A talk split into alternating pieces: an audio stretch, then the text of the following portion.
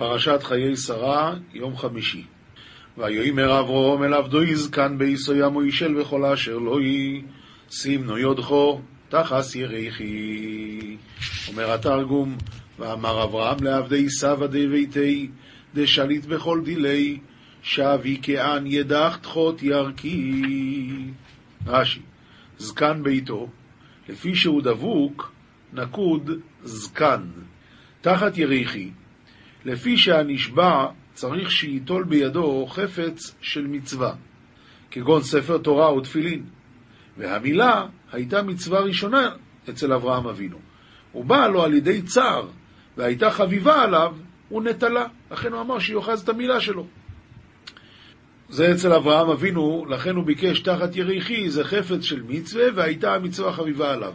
אז מה קרה אחר כך אצל יעקב אבינו? שם גם הוא ביקש מיוסף, סימנה ידך תחת יריחי. אז אומר שפתי חכמים, הוא כבר אחז במנהג של אביו. אמנם אצלו זו לא הייתה מצווה ראשונה, ולא, ולא חביבה עליו כל כך כמו שהיה אצל אברהם אבינו, שבגיל מאה הוא עשה ברית. אבל הוא אחז במנהג של אביו, כך מסביר שם השפתי חכמים. והשביעכו באדוני אלוהי השמיים ואלוהי האורץ אשר לא יסיקח אישו לבני מבנו ישק נעני אשר אנוכי יושב בקרבוי ואקיים הלך במימרד אדוני אלעד ישמעיה ואלעד עד אלעד תישאבית את הלברי מבנת כנעני דיאנה יתיב בני הון. כי אל ארצי ואל מולדתי תלך ולא קחתו אישו לבני ליצחוק. אלא הן לארי ולילדותי תזיל ותישאבית את הלברי ליצחק. ויאמר אלוב עבד, אולי לא יסייבהו אישו לא לכס אחריי, אלו אורץ הזויס, ההושב הושיבס בנכו אלו אורץ אשר יוצאו משום. ואמר ליעבדה, מה אם לה תיבי איתתא למיתי בתראי להרעה עדה, האתה והעטב יתברך להרעה דינפקתא מתאמן? ויאמר אלוב אברום, אישומר לכו פן תושיבס בני שומו. ואמר לאברהם, הסתמר לך דילמה תתב יד ברי לתמן. נביאים, מלוכים א', פרק א', פסוק כ"ב עד כ"ו, אנחנו ממשיכים עם ההפטרה שבת שבע נכנסה למלך, ועכשיו נתן הנביא בא לגבות את הדברים שלה. והנה עודנה מדברת עם המלך ונתן הנביא בא, ויגידו למלך לאמור הנה נתן הנביא, ויבוא לפני המלך וישתחו למלך על אפיו ארצה. ויאמר נתן אדוני המלך, אתה אמרת אדוניהו ימלוך אחריי. והוא ישב על כיסאי. הוא אומר לו, בעצם בשאלה כזאת, אתה אמרת את זה? כי ירד היום ויזבח שור ומרי וצאן לרוב, ויקרא לכל בני המלך ולשרי הצבא ולאביתר הכהן, והנם אוכלים ושותים לפניו. ויאמרו, יחי המלך אדוניהו. ולי, אני עבדך, ולצדוק הכהן, ולבניהו בן יהוידע, ולשלמה עבדך, לא קרה. כתובים משלי פרק ה', פסוקים ט' עד י"ג. פן תיתן לאחרים הודיך ושנותיך לאכזרי. הוא אומר, אל תלך בדרך של האפיקורסות ושל הזנות. פן תיתן לאחרים הודיך ושנותיך לאכזרי. אומר רש"י, פן תפנה לבך, תפנה לבך לאלוהים אחרים, לתת להם תפארת הודיך ושבטיך. ושנותיך לאכזרי. מי זה אכזרי? שר של גיהנום. כי אם הולכים אחרי האפיקורסות או אחרי הזנות, לשם מגיעים. ונשבעו זרים כוחך, ועצבך בבית נוכרי. אומר רש"י, מי זה הזרים? פן זרים? נביאי הבעל, הגובים ממון בשקריהם ובפחזותם. ועצבך בבית נוכרי, עצבך ויגיעך שנעצבת וטרחת בו בבית נוכרי. מי זה הנוכרי? בבית עובדי גילולים.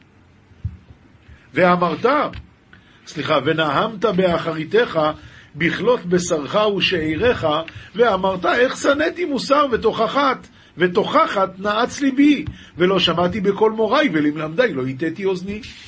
אומר רש"י, ונהמת באחריתך, בסוף שתנהום באחריתך. אתה יודע מה יהיה הסוף. אז אתה תצטער כל כך. מה, מה תצטער? ואמרת, איך שנאתי מוסר, ותוכחת נעץ ליבי. ולא שמעתי בקול מוריי, ולמלמדי לא הטתי אוזני. אז חבל שתתחרט אחר כך. כדאי לך עכשיו, פעם סיפר רב שלוימה ברבדה, שיהיה בריא, שכשהוא למד בלייקווד, מצלצלים אליו יום אחד ההורים שלו ואומרים לו, תשמע, יש איזה מישהו שאנחנו מכירים, והוא למד עם רב ארן בחוץ לארץ עוד, זאת אומרת באירופה, ועכשיו הוא שמע על רב ארן שהוא כל כך גדול, אז הוא היה מאוד רוצה לראות את רב ארן, אז הוא יבוא לשבת ללייקווד. אז הוא ביקש רק אם אתה יכול אה, ככה להכניס אותו, ו... בסדר, גמור. הגיע, נפגשו שם, ואז ההוא מתחיל ללכת איתו ככה כמו איזה מייבין, ואומר, נו, מה אתה לומד, ומה אתה זה, וככה. ומוסר, אתם לומדים פה מוסר? אז הוא אמר לו, כן, כן, ברוך השם. איזה ספרים אתה לומד מוסר? מסילסי שורים, אה, אורחי צדיקים, אה, שערי תשובה, רבינו יונה. אומר לו ההוא, תשמע, תשמע לי, מסילת אישורים זה בסדר, אבל השערי תשובה זה שחור, זה ש... ממש נוירו השערי תשובה. עזוב את השערי תשובה, אל תלמד שערי תשובה. אני אומר לך, זה, זה, זה נוירו, אני... וככה לאט לאט הם הולכים ומתקרבים לישיבה, לפתח האחורי של האולם. זה היה בזמן לפני קבלת שבת. והוא מסביר לו למה לא שערי תשובה, למה לא רבינו יונה, למה לא, זה לא כדאי, זה מאוד חריף, זה מאוד שחור, זה מאוד... ופתאום הם הגיעו, וההוא ראה את רב ארון ממול, יושב במזרח, ופתאום הוא, הוא הפסיק לדבר על השערי תשובה והתחיל להגיד, כל כך גדול, כל כך גדול, כל כך גדול. אז אומר רב שלמה ברבדה, ואני אמרתי לו, אתה רוצה שאני אכניס אותך אל רב ארון? ואז הוא אמר, עזוב אותי! אמר רב שלמה ברבדה, כן, כן, השערי תשובה זה מאוד שחור, אבל מי שיש לו את השחור הזה לא רוצה בסוף, אתה יודע מה עושה? בדיוק מה שכתוב פה. ונהמת באחריתך, בכלות בשרך ושאירך, ואמרת, איך שנאתי מוסר, ותוכחת נעץ ליבי, ולא שמעתי בקול מוריי, ולמלמדי לא יתתי אוזני. אחר כך אתה תתחרט, למה עזבתי את השחור הזה? למה לא למדתי את הרבינו יינה? חבל להתחרט אחר כך, אנחנו עוד חיים. אנחנו עוברים למשנה, מסכת זבחים, פרק ה', משנה א'. משנה מאוד מוכרת מהתפילה בבוקר. איזה הוא מקומן של זבחים? קודשי קודשים, שחיטתן בצפון. פר ושעיר של יום הכיפורים, שחיטתן בצפון, וקיבול דמן בכלי שרת בצפון. אז ככה, קודם כל בבית המקדש הייתה עזרה. בעזרה, בצד דרום של העזרה, היה המזבח החיצון שהוא היה בניין ענק, ממש בניין ענק. גובה חמש מטר, עשר אמות, רוחב ואורך 32 אמות על 32 אמות, 16 מטר על 16 מטר לפי, לפי רב חיים נועה. זה, כל הצד הדרומי נתפס על ידי המזבח. הצד הצפוני, שם היו שוחטים את קודשי הקודשים. אז איזו הוא מקומן של זבחים? התשובה היא קודשי קודשים, שזה עולות, חטאות והאשמות, שחיטתן בצפון. וקיבול דמן, עכשיו ככה, פר ושעיר של יום הכיפורים, שחיטתן בצפון, וקיבול דמן בכלי שרת בצפון. פר ושעיר זה אלה שהיו מזים את דמם בקודש פנימה. לכן, ודמן טעון הזיה על בין עבדים. בין עבדים הכוונה ארון בתוך קודש הקודשים. היה את ארון השם, בין שני עבדים, בין שני המקלות שהחזיקו אותו, שם היה המקום שצריכים לעזות את הדם של יום הכיפורים. אז, ודמן טעון הזיה על בין עבדים. ועל הפרוכת, יוצא החוצה חזרה לקוידש, ובתוך הקוידש, מול הפרוכת היה מזה, ועל מזבח הזהב, ארבע קרנות, ועל טהורו של מזבח. בדבר הזה, כל המתנות מעכבות, אפילו מתנה אחת מהן מעכבת. שירא אדם, מה שנשאר לו, היה שופך על יסוד מערבי של מזבח החיצון. היה במזבח החיצון, כשהוא יוצא החוצה, היה למזבח החיצון, אה, כמו שאמרנו, רוחב 16 מטר על 16 מטר, 32 אמה. עכשיו, זה התחיל יותר, יותר רחב. למטה למטה היה יסוד, אמה. אמה רוחב יסוד. אבל האמה יסוד לא הייתה על כל המזבח, ובכל אופן, בתוך האמת היסוד הזאת היה שני חורים למתן שיירי דמים. חור אחד היה בצד הדרומי, חור אחד היה בצד המערבי.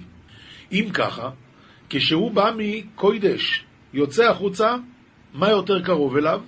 הצד המערבי. לכן, שירא אדם היה שופך על יסוד מערבי של מזבח החיצון, ואת זה, אם לא נתן, לא עיכב.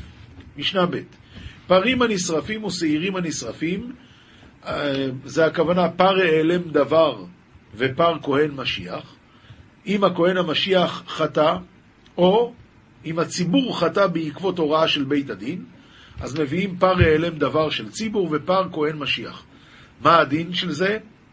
אז את הבשר שורפים בבית הדשן. רק האימורים מקריבים על המזבח. ולכן, פרים הנשרפים או שעירים הנשרפים שחיטתן בצפון, וקיבול דמן בכלי שרת בצפון. ודמן טעון הזיה על הפרוכת ועל מזבח הזהב, כאן לא נכנסים לקוידש הקודשים, אבל על הפרוכת כן, ומזבח הזהב.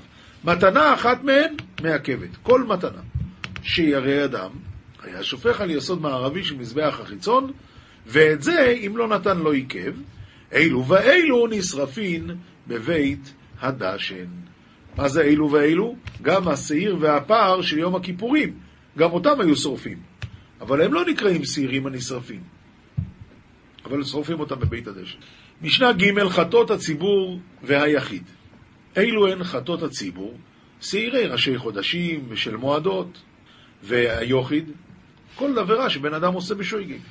שחיטתן בצפון, וקיבול דמן בכלי שרת בצפון. ודמן טעון ארבע מתנות על ארבע קרנות. כיצד? איך עושים את זה? אז ככה, בהתחלה הוא עלה בכבש, ואז פנה לסובב. הסובב היה בגובה שש אמות מתחילת המזבח, מעליו יש רק עוד ארבע אמות. היה סובב, גם כן רוחב אמה סביב המזבח, שם הכוהנים יכולים ללכת. אז הוא עלה בכבש, ואז הוא פנה לסובב, הוא בא לו לקרן דרומית-מזרחית, כי הוא פנה תמיד ימינה. אז הוא בא לו לקרן דרומית-מזרחית, ואז אחר כך מזרחית-צפונית, צפונית-מערבית, מערבית-דרומית. מה הוא עושה עם מה שנשאר? שירא אדם היה שופך על יסוד דרומי, ונאכלים לפנים מן הקלעים. למה יסוד דרומי? כי כשהוא יורד מהכבש, אז הכי קרוב אליו זה החור הדרומי. ונאכלים לפנים מן הקלעים לזכרי כהונה, לפנים מן הקלעים, כלומר בעזרה, לזכרי כהונה רק הזכרים, בכל מאכל, הכוונה בכל צורה של אכילה, בין בצלי, בין במבושל, ליום ולילה עד חצות. הכוונה היום שבו נשחט הקורבן, והלילה, אותו הלילה שבא אחריו, עד חצות. משנה ד' העולה, קוד, קודשי קודשים. שחיטתה בצפון, וקיבול דמה בכלי שרת בצפון. ודמה טעון שתי מתנות שהן ארבע. וטעונה הפשט וניתוח וחליל לאישים. כליל לאישים הכוונה, היא עולה כולה על המזבח, חוץ מהאור שלה. לכן היא טעונה הפשט וניתוח האיברים, אבל כל האיברים עולים למזבח. משנה ה' זבחי שלמי ציבור והאשמות. זבחי שלמי ציבור זה שלומים, והאשמות, קורבן אשם. עכשיו, מסבירים לנו איזה האשמות יש. אלו הן האשמות, אשם גזילות, אשם מעילות, אשם שפחה חרופה, אשם נזיר, אשם מצורע, אשם תלוי. מסביר רבינו עובדיה מברטנורה. אשם גזילות, כשאדם נשבע שבועת הפיקדון, הפקידו אצלו והוא נשבע שזה נגנב, נאבד, נאנס, והדין הוא, והאמת היא שהוא גנב את זה. אז מביא אשם גזילות. אשם מעילות, הנהנה מן ההקדש. אשם שפחה חרופה, הבא על שפחה שחציה שפחה וחציה בת חורין, המיועדת לעבד עברי שמותר בשפחה ובבת חורין, אשם נזיר, שנטמע במת. דכתיב בי והזהיר להשם את ימי נזרו, ואשם תלוי זה ספק שגג בדבר שחייבים על זדונו כרת, ספק לא שגג. כגון שהיה לו שתי חתיכות, אחת של שומן, אחת של חלב, הוא אכל אחת מהן ואת השנייה זרקו והוא לא יודע מה הוא אכל, מביא אשם תלוי. אשם ודאי לא גרסינן. כל הדברים האלה, הדין הוא ששחיטתן בצפון וקיבול דמן בכלי שרת בצפון. ודמן, טעון שתי מתנות שהן ארבע. ונאכלים לפנים מן הקלעים, זאת אומרת בתוך העזרה, לזכרי כהונה בכל מאכל ליום ולילה עד חצות. משנה ו', התודה ואיל נזיר, התודה, קורבן תודה, ואיל נזיר, אדם נזיר שמביא את קורבנותיו בסוף ימי הנזירות שלו, הוא מביא איל, קודשים קלים. שחיטתן בכל מקום באזהרה, כיוון שזה קודשים קלים. ודמן, טעון שתי מתנות שהן ארבע. ונאכלין, שתי מתנות שהן ארבע אני לא הסברתי, זה, זה הכוונה, שמים את ההזעה של אדם, נותנים את המתנה הזאת על השפיץ של המזבח, ואז זה הולך לשני כיוונים. אז זה נקרא שתי מתנות שהן ארבע, נותן פה בצד הזה, פה בצד הזה, ובעצם היה על כל ארבע הקירות של המזבח. ונאכלין בכל העיר, בכל ירושלים. לכל אדם, בכל מאכל, ליום ולילה עד חצות, כלומר גם נשות הכהנים יכולות לאכול מזה. המורם מהם כיוצא בהם, המורם זה הכוונה לזרוע לחיים וקיבה, אלא, סליחה, לא זרוע לחיים וקיבה, המורם מהם זה חזה ושוק שנתן מהם לכהן כשאר שלמים, אז המורם מהם כיוצא בהם, אלא שהמורם נאכל לכהנים לנשיהם ולבניהם ולעבדיהם, ולא לכל אדם. קודם אמרנו לכל אדם, זה גם זר יכול לאכול מזה, הבעלים. אבל כאן, המורם נאכל רק לכהנים לנשיהם ולבניהם ולעבדיהם. משנה ז' שלמים. שלמים זה קודשים קלים. שחיטתן בכל מקום באזהרה. ודמן, טעון שתי מתנות שאין ארבע. ונאכלין בכל העיר, לכל אדם, בכל מאכל, לשני ימים ולילה אחד. שני ימים הכוונה, היום שבו נשחט הקורבן, הלילה שביניהם, והיום שיבוא אחריו. האמורה מהם, כוונה, חזה ושוק, האמורה מהם כיוצא בהם, אלא שהאמורם נאכל הכהנים לנשיהם ולבניהם ולעבדיהם. משנה ח' הבכור והמעשר והפסח, קודשים קלים, שחיטתן בכל מקום באזהרה, ודמן טעון מתנה אחת, ובלבד שייתן כנגד היסוד, כלומר, אמרנו כבר מקודם שהיסוד לא הקיף לגמרי את כל המזבח. אז מתן דמים זה רק כנגד היסוד, איפה שיש יסוד, איפה שאין יסוד אסור לתת. אמ, שינה באכילתן, כלומר, יש לנו פה גם בכור וגם מעשר וגם פסח, אז לגבי האכילה, שינה באכילתן. הבכור נאכל לכהנים, רק לכהנים, והמעשר לכל אדם, ונאכלין בכל העיר, בכל מאכל, לשני ימים ולילה אחד, הפסח. לגבי קורבן פסח, יש לנו הסתייגויות רציניות לגבי האכילה שלו. הפסח אינו נאכל אלא בלילה, ואינו נאכל אלא עד חצות, ואינו נאכל אלא למנוייו, ואינו נאכל אלא צלי. יש כאלה אומרים וורט כזה, למה הפסח אינו נאכל ואינו נאכל? תגיד נאכל. נאכל בלילה ונאכל עד חצות, ונא... למה אתה אומר אינו נאכל? אז אומרים שבפסח אינו נאכל. בפסח יש כל כך הרבה חומרס, לא אוכלים. גמרא, מסכת זבחים, דף נ"ז עמוד א', כאן יש לנו לימודים. הגמרא מביאה את כל הלימודים של הדברים שדיברנו במשנה. תנו רבונון מניין לבכור שנאכל לשני ימים ולילה אחד, שנאמר, ובשרם יהיה לך, לך, כחזה התנופה וכשוק הימין. הקישו הכתוב לחזה, לחזה ושוק של שלמים. מה שלמים נאכלים לשני ימים ולילה אחד, אף בכור נאכל לשני ימים ולילה אחד. מסבירה הגמרא, וזו שאלה נשאלה לפני חכמים בכרם ביבנה. בכור לכמה נאכל? כששוחטים את הבכור, כן? כמה זמן יש לו לאכול? נענה רבי טרפון ואמר לי שני ימים ולילה אחד. היה שם תלמיד אחד שבא לבית המדרש לפני חכמים תחילה, כלומר הוא תחילה, הוא רק בא עכשיו להתחיל ללמוד, ורבי יויסי הגליל לשמו. אמר לו, רבי, מניין לך שזה שני ימים ולילה אחד? אמר לו, בני, שלמים קודשים קלים, וגם בכור קודשים קלים. מה שלמים נאכלים לשני ימים ולילה אחד, אף בכור נאכל לשני ימים ולילה אחד. אמר לו, רבי, בכור זה מתנה לכהן, וחטאת ואשם, מתנה לכהן. מה חטאת ואשם ליום ולילה? אף בכור ליום ולילה. אבל לעומת זאת שלמים, זה הולך לבעלים. אז אם ככה, למה אתה משווה את זה לשלמים? אולי נשווה את זה לחטאת ואשם. ואז יהיה רק יום ולילה. אמר לו, נדון דבר מתוך דבר, ונלמוד דבר מתוך דבר. מה השלמים אין באים על חטא, אף בכור אינו בא על חטא. מה השלמים נאכלים לשני ימים ולילה אחד, אף בכור נאכל לשני ימים ולילה אחד. אמר לו, רבי, נדון דבר מדבר, וילמד דבר מדבר. חטאת ואשם מתנה לכהן, ובכור מתנה לכהן. מה חטאת ואשם אין באים בנדר ונדבה, אף בכור אינו בא בנדר ונדבה, ממילא מה חטאת ואשם נאכלים ליום אחד, אף בכור נאכל ליום אחד. קפץ רבי עקיבא, ונסתלק רבי טרפון, אמר לו, כלומר, רבי טרפון הפסיק לדון עם התלמיד הזה, ועכשיו בא רבי עקיבא לדון. אמר לו, הרי הוא אומר ובשרה מילך וגוימר, הקישנה כתוב לחזה ושוק של שלמים, מה שלמים נאכלים לשני ימים ולילה אחד, אף בכור נאכל לשני ימים ולילה. זוהר, פרשת חיי שרה, דף קל"ב, עמוד א', אומר הזוהר כך, פוסח ועומר. רבי שמעון פתח ואמר, שמעה תפילתי אדוני ושבעתי האזינה, אל דמעתי אל תחרש. מה טעם השמעה ולא שמע? נורא אני צריך להגיד, שמע השם. למה שמעה בלשון נקבה? באתר חד כתיב שמע אדוני וחונני וגוימר, ובאתר אחרא שמעה אלא. בכל אתר לזימנין שמע לידחורה, ולזימנין שמעה לנוקבה. בכל מקום, פעם הוא אומר את זה בלשון זכר, פעם הוא אומר את זה בלשון נקבה. שמעה בלשון נקבה, כמה דעת אמר, שמעה אדוני צדק וגוימר. שמע זכר, כמו דעת אומר, שמע השם וכונני.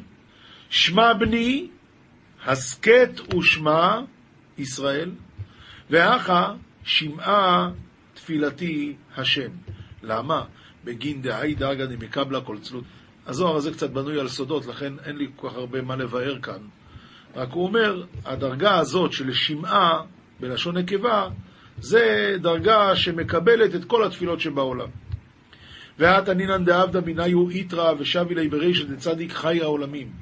והרי למדנו שעושה השכינה מהתפילות האלה עטרה ומשימה לו בראשו של הקדוש ברוך הוא, דכתיב ברכות לראש צדיק, ועל דעה, ועל זה התפלל דוד המלך, שמעה תפילתי השם.